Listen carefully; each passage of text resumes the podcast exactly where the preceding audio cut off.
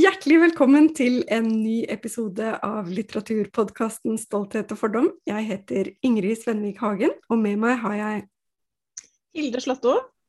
Og Ole Ivar Burås Store. Velkommen. Det er veldig koselig å se dere igjen. Vi prøver oss på en ny episode via Zoom.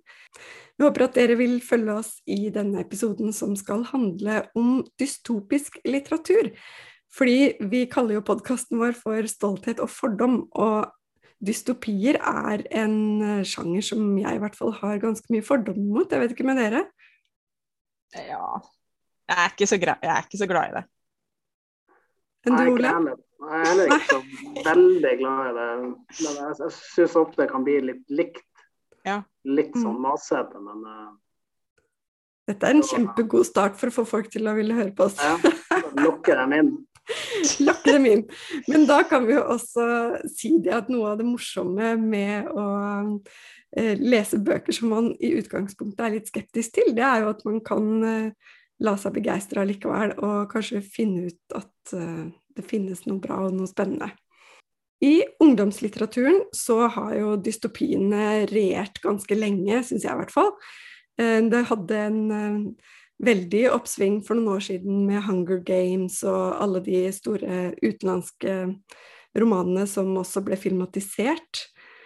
Jeg husker bl.a. Uh, U-prisen. Jeg husker ikke hvilket år det var, men det var et år der jeg tror fire av fem nominerte var dystopier. Mm. Oi, wow. Da var det vel 'I morgen er alt mørkt' av uh, Sigbjørn Mostue som vant. Mm. Mm. Han ble nominert uh, for alle tre bøkene i den serien med tre år på rad. Mm. Ja, det var en sånn storhetstid. Og så, var, og så følte jeg på en måte at det var litt sånn som vi har snakka om før, at, at uh, ungdomsbøkene lå i forkant, på en måte. At det var dystopi for alle penga ganske så lenge, og plutselig så var det slutt. Uh, og at realismen på en måte At det var et stort ønske om å lese realistiske bøker isteden. Det syns jeg var veldig sånn tydelig. Ja. At det bare var en sånt bråstopp, på en måte. Året, året etterpå så var det stort sett alvor i de fem nominerte. Mm. Så um, Ja, også sånn realistisk alvor, altså psykologisk alvor. Ja. Mm. realistisk sykdom uh, ja, Mm. mye, mye av det en periode. Mm. Men noe av det som kjennetegner eh, dystopiene, det er jo at uh, det er et ganske sånn pessimistisk syn på samfunnets uh, Eller på fremtidssamfunnet, da. Eh, jeg vet ikke, er det allikevel en sånn kime av håp der i den Jeg tenker at det er, at det er en sånn Ja, fordi jeg, jeg ser for meg at det er liksom forskjell her fra, eh, fra de amerikanske dystopiene til det norske. At det kanskje Fordi det ofte handler om at fellesskapet um, går mot individets frihet, da. Ikke sant? At, at du fra at det er et eller annet som skjer i, i samfunnet som gjør at det liksom alle er mot hverandre, og at du blir fratatt liksom din frihet i verden. At det blir alle mot alle, på en måte. Men at det, i det norske så er det allikevel et sånt håp om at, det, at man i en krise vil stå sammen. Er det Jeg husker jeg lurer på om det ikke var Vinduet som hadde en uh, lengre artikkel om uh, dystopier, der spesielt fokus på ungdomslitteratur for noen år siden. Var det eh, I amerikanske dystopier så er det ofte eh, staten som er undertrykkende. Det er Mhm. dystopien der. Mens i eh, norsk så er det ofte et fravær av staten som er dystopien. mm, ja, det er veldig bra. Og det skjer jo, ikke sant? I morgen er alt mørkt, så, er jo, så kollapser jo staten og alle samfunnsstrukturene. Så er jo spørsmålet hvordan skal du overleve nå når du ikke har noen til å, til å passe på deg, når alle er fritt vilt. Mens i Hunger Games så er det jo staten som plukker Er ut folkene fra distriktene og, og, ja, som er bad guy. Mm. Mm, det er interessant. interessant. Ja, det var ganske interessant. Uh, men det dystopiene ofte gjør, er jo altså Det kan jo være at det er langt i framtida. Det kan jo òg være at de bruker dystopien for å si noe om et dagsaktuelt tema. Mm, I morgen alt mørkt. Den ender jo i tredje boka, så ender det med en slags eh, metafor på flyktningkrisen. Vi? Har eh, lagd et slags samfunn det med festninger i Oslo. Så er det hvem skal komme inn, og hvem skal bli stående på utsida. Mm. mm. Ja, og jeg syns jo ofte det er kanskje det som er mest vellykka med en, en, god dystopi, er jo nettopp det at den toucher borti det som jo vi kan kjenne på er eh, Altså som tør, eller som klarer å levendegjøre hvordan kan det bli hvis verden går i denne eller den retningen. ikke sant? Sånn som vi kan kjenne på at vi er mm. redd for at verden skal gå i en eller annen retning. Eh, om det så er teknologien som løper løpsk, eller eh, at det blir et eh, langvarig virus som eh, tar knekken på halve befolk jordens befolkning, eller noen ja. av de her skumle scenarioene som jo vi kjenner på kan skje. Og nå har vi jo sittet i ett år og tre måneder, eller hva det blir, eh, og har kjent på det på kroppen, ikke sant? Ja, for Det er jo interessant. Hva skjer med dystopisjangeren når virkeligheten plutselig er sånn som uh, ja. dystopibøkene tidligere har beskrevet det? Mm. Og Der har jo vi lest et uh, helt nytt eksempel, Ole. Vi har lest Tiger Gartés siste bok som heter 'Dette dreper oss'. Og Det går jo rett inn i pandemien. Uh, ja. Har du lyst til å fortelle litt om hva det handler om? Ja, altså Det som er interessant, der er jo Jeg vet ikke om forfatteren eller forlaget vil kalle det dystopi. Fordi at det nettopp, nettopp er noe som faktisk skjer. Mm. Uh, men, det, men, det, som skjer der, er jo at eh, sivilisasjonen uh, i Oslo er uh, stengt ned. Det er rett og slett lockdown. Og Samuel, som er 16 år gammel gutt, blir da dratt til skogs med faren sin, som er en sånn prepper. Ja. ja sånn prepper, så han er liksom forberedt på det her. Han vet akkurat hva han skal gjøre når uh, den 12. mars. Eh, mm. 20, så, ja, for Det er viktig å få fram at det faktisk er datert. Det er, det er ja. koronapandemien som kommer. Ah, det er ikke en annen det, hendelse som Nei, nei, nei. Dette her er det vi har vært gjennom nå det siste året, og det er på en måte det er datert måned for måned ah. mm, mm. fram til um, november 2020. Ja. Så de uh, fins uh, slår leir i uh, Nordmarka, er det vel, og uh, lever der på de ressursene de har tilgjengelig.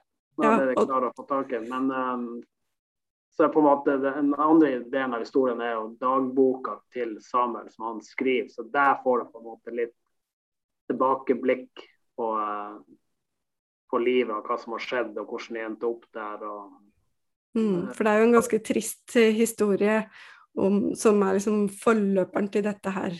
At de faktisk flytter ut i skogen. Det er jo både en konflikt med moren til Samuel og faren. Altså de er litt sånn fram og tilbake om de skal skilles eller ikke. Fordi hun blir jo redd for hva som vil skje. Fordi hun ser jo tegnene på at han begynner å bli mer og mer gal. Ja. Mm. ja. Og det å leve sammen med en sånn prepper, det kan jo ikke være så lett. Å, å finne balansen da, mellom hva er det som er bare sunt og greit, og en, et greit instinkt for å beskytte familien sin, og hva er det som virkelig Når du begynner å ha overlevelsesdrakter i garasjen og eh, hermetikk eh, opp etter veggene og Han har mista jobben, han har eh, mista ekteskapet, han drikker han har, ja, han har det ikke veldig lett. Han er jo en, han er jo en uh, doppler helt uten humor. Ja. Sarkasme, ikke sant. Så det er jo, det er jo null, eh, null latter som, uh, som, fremkalles der. Men det er jo Jeg syns jo det er utrolig bra, det der forholdet mellom han og sønnen. Skikkelig mm. klaustrofobisk. For det første så tenkte jeg på noe du hadde nevnt også, at det bare fy fader, jeg hadde aldri klart meg døgn ute i skauen uten noen ting. en ting er å bade litt i bekken, liksom, men det der å være kontinuerlig på jakt etter mat Det er jo bare overlevelse, rett og slett. Og det diskuteres jo også i boka. ikke sant? Hva er det å leve, og hva er, hva er det å overleve? Det er ikke nok ja. bare å overleve, men det er jo på en måte det de blir redusert til, da, fordi de mister alt av Eh, tilgang til mat og utstyr fordi de ikke skal ned i byen. Og han faren har jo sagt at du må ikke gå ned der, for nå er, det, nå er smitten løs, og det kommer plyndrere som kommer til å ta alt du eier og har, og vi må beskytte oss mot dem. Eh, jo, hele boka starter jo veldig dramatisk med et helikopter som suser over hodene på dem ute i skogen der. Men det, det fikk jeg ikke Det glapp litt. Ja, det kom aldri tilbake igjen. eh. For det var jo dritspennende åpning liksom, med den derre Mm. Nå kommer dem! Oh, kjør eh, planen vår eh, med evakuering, og det er liksom full fres. Men Ja. så, så skjer det ikke noe mer. Så da det gir jo også et litt sånn inntrykk av at det her er det jo en fyr som ikke er helt rett navla. Men så er det også det finurlige grepet at man er ikke helt sikker. Man er ikke helt sikker på om det faktisk er en annen pandemi eller en mye verre situasjon enn den vi er i. Uh... Ja, jeg synes Det er også interessant i en bok at du får egentlig ikke vite hva som skjer i byen. nei, du får ikke det. Og det gjør at du blir, sitter litt på nåler og lurer på liksom, er, det, er det verre enn det har vært for oss. Uh, er det så ille som han skal ha det til? Er det sånn at folk går helt bananas? Og da snakker vi ikke om liksom, toalettpapirhamstring, det er jo, det er jo liksom snakk om full krig. Og Ja, Ja. Eh, Så, så, og det vet vi jo ikke. Det kan jo hende at det skjer i boka, men allikevel så er det en sånn hårfin balansegang der da, mellom uh, Er dette helt likt vår verden, eller er det, er det dratt enda lenger? Ja, for Så det det er, gjør det til en dystopisk eh, roman, syns jeg, da. mm. men man kan jo si at hvis det er sånn at det, det er en dystopi Nei, en pandemi som på en måte har Eller en krise som er mye verre enn det vi har gått gjennom, så er jo han faren vinneren her, på en måte. Mm. Det er jo han som har skjønt det. Og som Ja, og det er, det, eh, det er, reagerer rett. litt, det er man hele tiden litt usikker på, ikke sant. Ja. Um, men jeg kan ikke egentlig si at det er så forlokkende å drive og jakte på ekorn ute i skogen, altså. Nei. Å, det er så fælt. De sliter jo veldig etter hvert med Ja. å skaffe seg mat. og Du, du Det kjenner er jo klart. De har ikke noe moderne våpen. Det er liksom tilbake til uh, røttene, bokstavelig talt. Ja. Uh, og det der med jeg syns jo det er interessant at han klarer å skrive. Det er litt etter hvert, så jeg vet ikke hvor mye jeg skal røpe, men han møter jo ei jente i nærheten her som er på ei hytte. Så da får han jo litt innblikk i hva som egentlig foregår i, eh, i Oslo. Men jeg syns det er interessant hvordan han klarer å bare Scenen er bare liksom skogen og den leiren deres, og det forholdet mellom dem to. For Mm. ofte i andre dystopier så er det jo sånn at du eh, kommer til et nedlagt supermarked, og så eh, er det litt sånn nervepirrende om det kommer til å dukke opp noen, eller eh, så vandrer du gatelangs og kommer til et bilvrak. Du er, du er på en måte i sivilisasjonen. mm. Mens her er du bare i skogen. Eh, det- er spennende. Så jeg tror det er første ungdomsboka til Tiger Garthea. Så absolutt et eh, spennende bekjentskap i ungdomslitteraturen.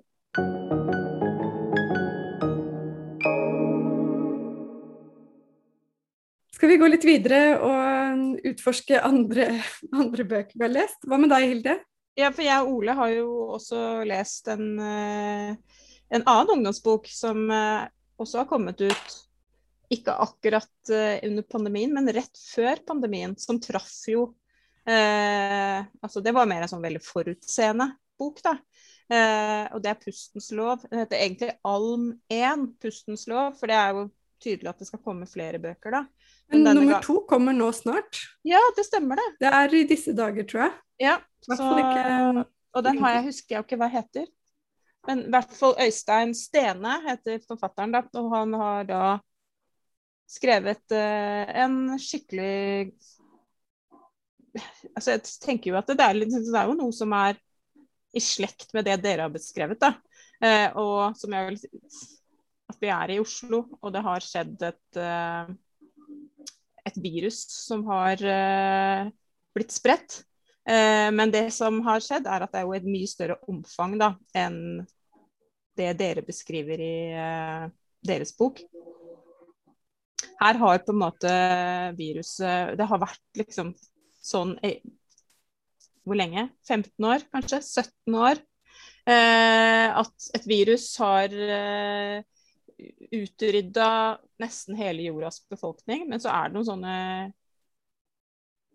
grupper igjen rundt omkring i noen byer og tettsteder eh, som har klart å leve i lufttette hus eller ting de har klart å bygge seg.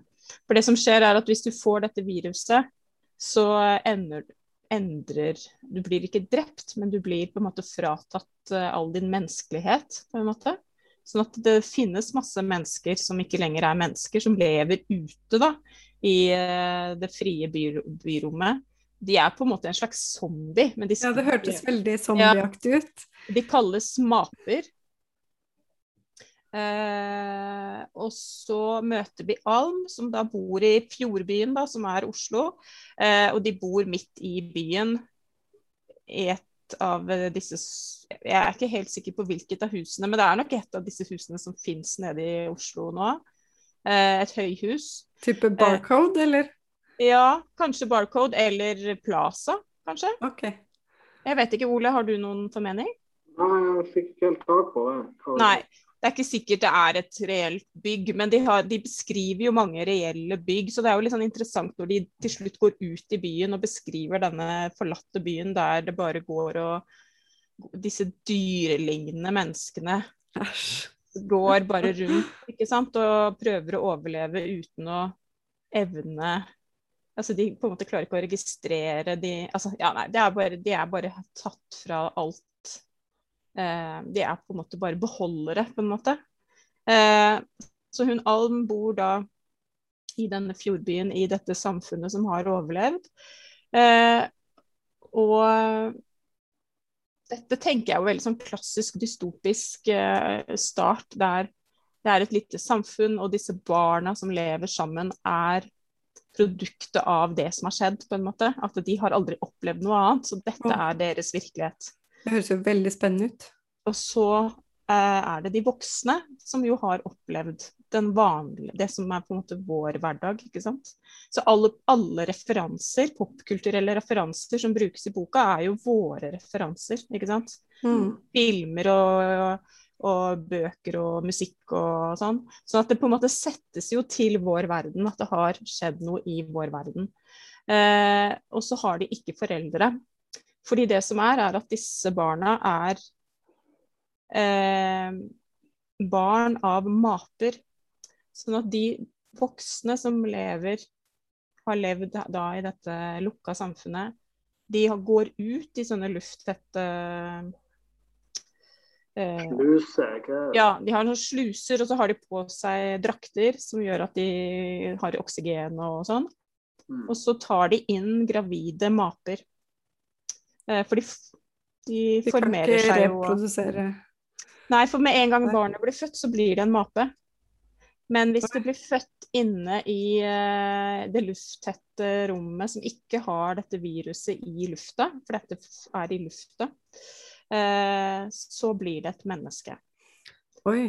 Ja. Det er jo veldig spennende. Det er veldig spennende. Og det jeg liker med denne boka, og litt i forhold til det som vi snakka om å ha fordommer, for jeg føler noen ganger at dystopi, dystopisk litteratur bare bruker det som en motor. ikke sant? Alle de mm. spennende mm. tingene at verden har gått under, og så må man finne nye konstellasjoner og nye måter å leve, overleve på. Og, og så kommer det hele tiden nye farer ikke sant, som må løses, sånn at det bare er en sånn motor som går i boka.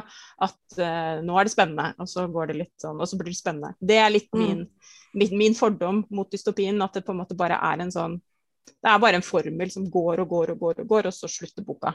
Eh, mm. Mens det jeg liker med denne boka her, er at eh, den, den bremser litt innimellom. Sånn at det, eh, det er ikke bare sånn at det er kjempespennende, og så må hun løse noe, og så er det spennende på nytt. Hun, det, liksom plutselig så bremses det veldig opp, og det er veldig mye rom for ettertanke. For det hun kjenner veldig på, hun Alm, da, er at jamen, hva er det vi Det er litt sånn som dere sier, ikke sant. Hva er det å leve? Ikke sant? At det å overleve, hva er Er det Er det Nå sitter jeg inne i dette lufttette huset. Jeg lever, vi har mat fordi vi klarer å gro mat. Vi klarer å liksom Vi har skapt noe som faktisk funker. Men jeg sitter og ser ut på verden der ute, og jeg kan ikke gå ut. Mm. Og alt er veldig sånn gjennomregulert, ikke sant. Mm. Vi lever i et samfunn som disse voksne har gjennomregulert.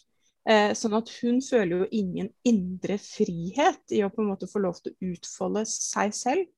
Så det er en bok som også handler om men hva betyr det egentlig å, å leve, da? Hva, hva, vil det si å overleve? Hva er det vi trenger for å leve et godt liv, på en måte? Eh, mm. også etter katastrofen har skjedd, da. Eh, det er jo som å sitte i karantene uten at det er noe fremtidsmulighet. Altså, ja. vi, vi, kan ha vært i karantene under pandemien nå, men vi kan fortsatt gå på polet og butikken og mm.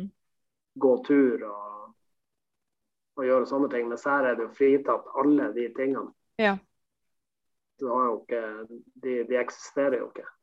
Jeg bare likte òg at den var litt sånn nedpå. At den ikke er ja. sånn heseblesende som det ofte kan bli i sånn type zombielitteratur eller film. Mm.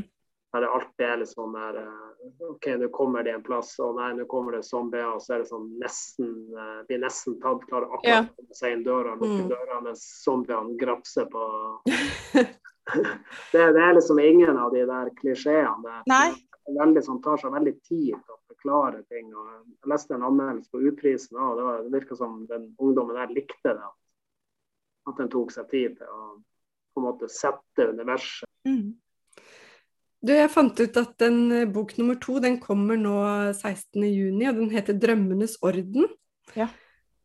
Og det er en planlagt trilogi, dette her, er det ikke det? Ja, det vil jeg tro. Jeg, sånn som jeg har forstått det. Mm.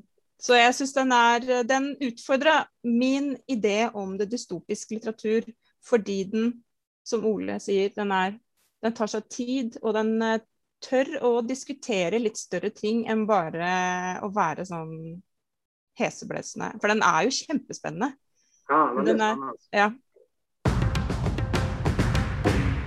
Jeg har lest en annen bok uh, i det siste også, som jeg tenker kanskje ikke går helt inn i dystopisjangeren, men det er jo en slags sånn fremtidsroman, da. Um, en bok som heter 'Det finnes ingen andre verdener' av Stig Beite Løken. Uh, og det er en ganske humoristisk uh, roman. Det er bok nummer tre i en Det er vel ikke en serie, egentlig, men han bruker den samme hovedpersonen i de tre bøkene som Og her, i den tredje boka, så, så, handler det om at Mathilde, som er hovedpersonen, hun ligger for døden. Og så Hun er egentlig helt borte. Altså, hun kan ikke bevege seg fysisk i det hele tatt og ligger på sykehuset og vet at hun skal dø om et døgn. Og så forsøker hun i en parallell drømmeverden å kontakte sønnen og datteren som hun har mista kontakten med. Og det er jo det er altså det her med muligheten til å bevege seg i en drømmeverden, som er liksom science fiction-aspektet i, i den boka her, da. Som jeg syns egentlig var ganske finurlig laga. Uh, eh, og det, det her er, trekker det veksler på liksom dataspill og uh, fiksjon og det der å kunne liksom drømme seg vekk og til og med gå inn i andres drømmer, og det er forskjellige sånne verdener med uh, Man kan kjøpe Det er kjøpedrømmer, og så er det private drømmer, og så er det sånn ulike kategorier drømmeverdener man kan bevege seg inn og ut av, da. Og så koster det penger for å få nye verdener. Altså det er paralleller til spillverden her også. Um, men det resulterer jo i et spinnvilt uh, uh, spinnvilt romanunivers uh, som jeg egentlig syns var ganske fascinerende. Um, ikke, det er jo for så vidt litt dystopisk når det, teknologien har kommet så langt at man kan, at man ja, kan liksom leve i en annen verden. Men samtidig så er dette her en ganske mye mer sånn leken og morsom roman. Ja, for Spørsmålet er jo ikke sant, dystopi, kan den være morsom? ikke sant? For det er jo kanskje det, for det, er jo det, det, er jo, det er vel kanskje mer sånn samfunnssatire, da. Um, og da kan man jo se på elementer ved samfunnet vi lever i som ikke nødvendigvis er helt positivt. Mm. Med, med, overvåkning eller det å leve inne i det virtuelle. Mm. Uh, det er jo ikke udelt positivt. Nei. Nei, jeg vet ikke. Jeg, det, kanskje Jeg syns det er litt morsomt å holde litt fast på hva det vi ikke liker ved dystopien, for nå snakker vi jo bare om bøker vi egentlig liker, ikke sant. Eh, men eh, jeg syns jo dystopien kan være litt sånn humørløst, f.eks. Det, er det er så gravalvorlig. Det er jo helt sånn uh, ja, ja, men jeg... ikke relief i dystopien. Nei. Nei, men da må du til Stig Beite Løken, for han ja, skriver ganske tydeligvis. morsomt. Ja, det er faktisk uh, ganske artige poeng, og det er litt sånn Det er også uh, en hund med i historien som nærmest er litt sånn sidekick, da. Mm. Så det er, det er, flere sånne komiske elementer her som uh, Ja, som gjør det til en ganske artig lesning. Og et sånt fantasiunivers som er veldig interessant å, å ta del i. Det er jo veldig deilig da, at, at det liksom i norsk litteratur er mer og mer kanskje den type uh, prosjekter eller der man liksom sprenger det der real psykologisk realistiske da, som er så utrolig dominerende i norsk litteratur. Mm. Jeg syns jo det er veldig, veldig, veldig bra at uh, man gjør andre ting enn bare det. Det er, bra at, eh, det er bra at forfatterne fantaserer òg, at de ikke bare skriver om sitt eget liv. ja. mm. Absolutt. Hilde, du har lest en uh, utenlandsk dystopi. Ja, Eh, og, og jeg, når jeg begynte på den boka, så hadde ikke jeg liksom satt meg ned med den boka og tenkt at aha, nå skal jeg lese en dystopi. For jeg var egentlig ikke helt klar over at dette var en bok som tenderte mot det dystopiske. Eh, den heter 'Leave the World Behind' av eh, Ruman Alam, en amerikansk forfatter. Og den har kommet på norsk eh, for en eh, måned siden på Strawberry, og den heter 'Legg verden bak deg'. Så den er også å finne på norsk akkurat nå. Jeg hørte den på lydbok på engelsk, og coveret er et, et badebasseng. Det er helt mørkt, og så er det et badebasseng, og så er det lys som lyser opp i vannet, og så er det en trapp som går ned. Sånn at det, den ga jo ikke på en måte en sånn dystopisk univers-assosiasjoner. Nei, det ser litt ut som en kriminalroman. Ja, ja, at det er noe som skal skje. Det er et eller annet sånn uh, under uh, Ja, noe, noe, spennende som skal skje. Men uh, det som er, er at det er et ektepar som er jeg vet ikke, de er kanskje sånn i slutten av 40-åra, 50-ish, som bor i New York, som er sånn vellykka New Yorkere, altså sånn helt klassiske, som jobber med liksom hun ene jobber med sosiale medier eh, eller et eller annet sånn, og er alltid på.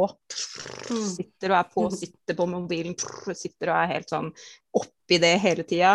Han har også noe sånn der eh, betydningsfull jobb og må være tilgjengelig og så den at det, I starten så får jeg sånn veldig følelsen av at oi, her er det en forfatter som virkelig er god på å liksom vise oss det derre moderne, vestlige mennesket sin. Det, det der at alt er, altså alt er jo gadget, ikke sant. Alt er hva du har på deg, hva, hva de tenker om hverandre, handler veldig mye om eh, at Åh, nå var jeg veldig sjenerøs mm. fordi jeg så på henne når jeg, når jeg, jeg viste henne interesse for det hun snakka om, mens jeg egentlig prøvde å tenke ut uh, når kan jeg ta min første pils. Ikke sant? Det er liksom veldig mye er den derre relasjonsgreiene, ekteskapet. Disse har jo levd sammen ufattelig lenge, ikke sant. Sånn at det ekteskapet Han er så utrolig god på å vise fram uh, ja, både liksom ja, det derre moderne livet i storbyen og hvordan vi på en måte hele tiden støtter oss på hva vi kjøper, hva vi har på oss, hvor vi skal dra da på ferie og alt det der. Så det er liksom starten på romanen. Så de drar da til eh, Long Island og har leid seg et hus. De har to tenåringsbarn. Eh, og dette er litt sånn avsidesliggende. Inn mot en skog. De kommer fram. Å, herregud, det er bare den fantastiske funkis-feriehuset, uh, ikke sant. Som de har leid av noen private folk. Og så har de denne første kvelden, de lager pasta, og det, alt er veldig detaljert. Hvordan hun lager denne pastaen, hva det sier om henne, at hun egentlig er ganske kreativ når hun lager mat. Men altså, skjønner du? At det er veldig sånn er så, han er så utrolig god på liksom hele tida vise alle de her At vi er så opptatt av sånne ting for å vise hvem vi er, da. Ikke sant? Sånn at dette vellykka paret da, som har leid denne utrolig vellykka huset, og utrolig vellykka at de skal være så langt unna folk, og alt er liksom de er liksom alt er lina opp for at de skal ha den fantastiske ferien som de kan snakke om til alle de andre i New York etterpå. ikke sant? Mm. Så er de der et døgn, og alt er superbra, og de bruker poolen, og de drikker drinker om kvelden, og det er varmt, og det er deilig. Og så seint på kvelden så banker det på døra. Og alt snur. For da står det et eldre ektepar eh, som er eh, eierne av huset. Eh, og de er eh, farga. Eh, og de, eh, dette hvite middel... Disse ekteparet som har leid dette huset, liksom det første de tenker er Det kan jo ikke være dem. For dette huset er jo bare så smakfullt. De kan jo ikke eie dette huset. Vi vil ikke ta inn de, vi kan jo ikke ta inn disse, vi vet jo ikke hva de vil. De kan jo like gjerne komme inn og si at de eier det her huset. Og så hva står vi her da, og så ikke vet hvem de er? Nei, vi kan ikke ta de inn. ikke sant? Og de er jo helt vettskremte, dette ekteparet. Eh, og sier dere må åpne opp for oss. Det har skjedd noe i New York, dere må åpne. Det har skjedd noe i New York, hvordan kan vi vite det? da? Ja, hvem, hvem, er dere da? Ja, men de eier huset. Ja, men få se få se et bevis. ikke sant? Så alt blir helt sånn derre oh. Det blir så ekkelt, ikke sant. Mm. Sånn at både jeg som leser skjønner jo veldig godt at de blir redde, men samtidig er de så ubehagelige, de folka, ikke sant. Mm. Og dette ekteparet som kommer, og jeg tror jo heller ikke helt på om er de, er det de som eier det, ikke sant. Sånn at det starter der. Så det er jo som en sånn dystopi Nei, som en krim, eller ikke sant. Mm. Men sakte, men sikkert, når det liksom begynner å De kommer jo inn i, i kjøkkenet, og, og, du skjønner jo at de vet jo hvor alt er. Og, sånn at det må jo være de som eier det huset, og osv. Eh, og så begynner de å snakke litt om hva som har skjedd. Og da har nettet er nede. Elektrisiteten har eh, kollapsa.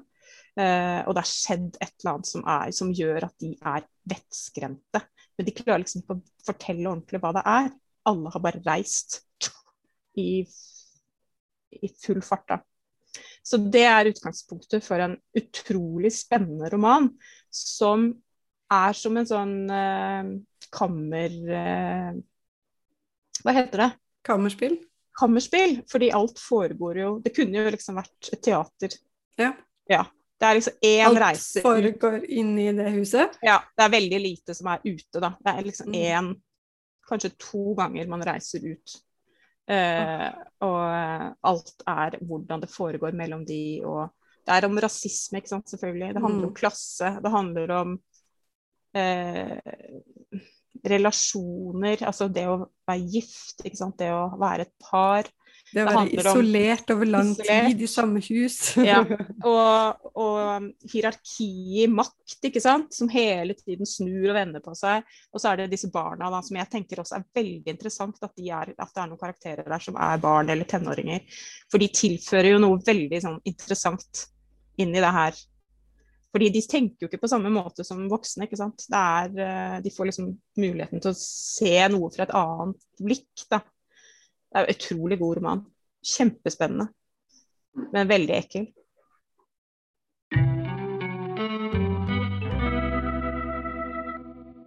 Men Ole, eh, du hadde også lest en annen dystopi som du gjerne ville tipse oss om?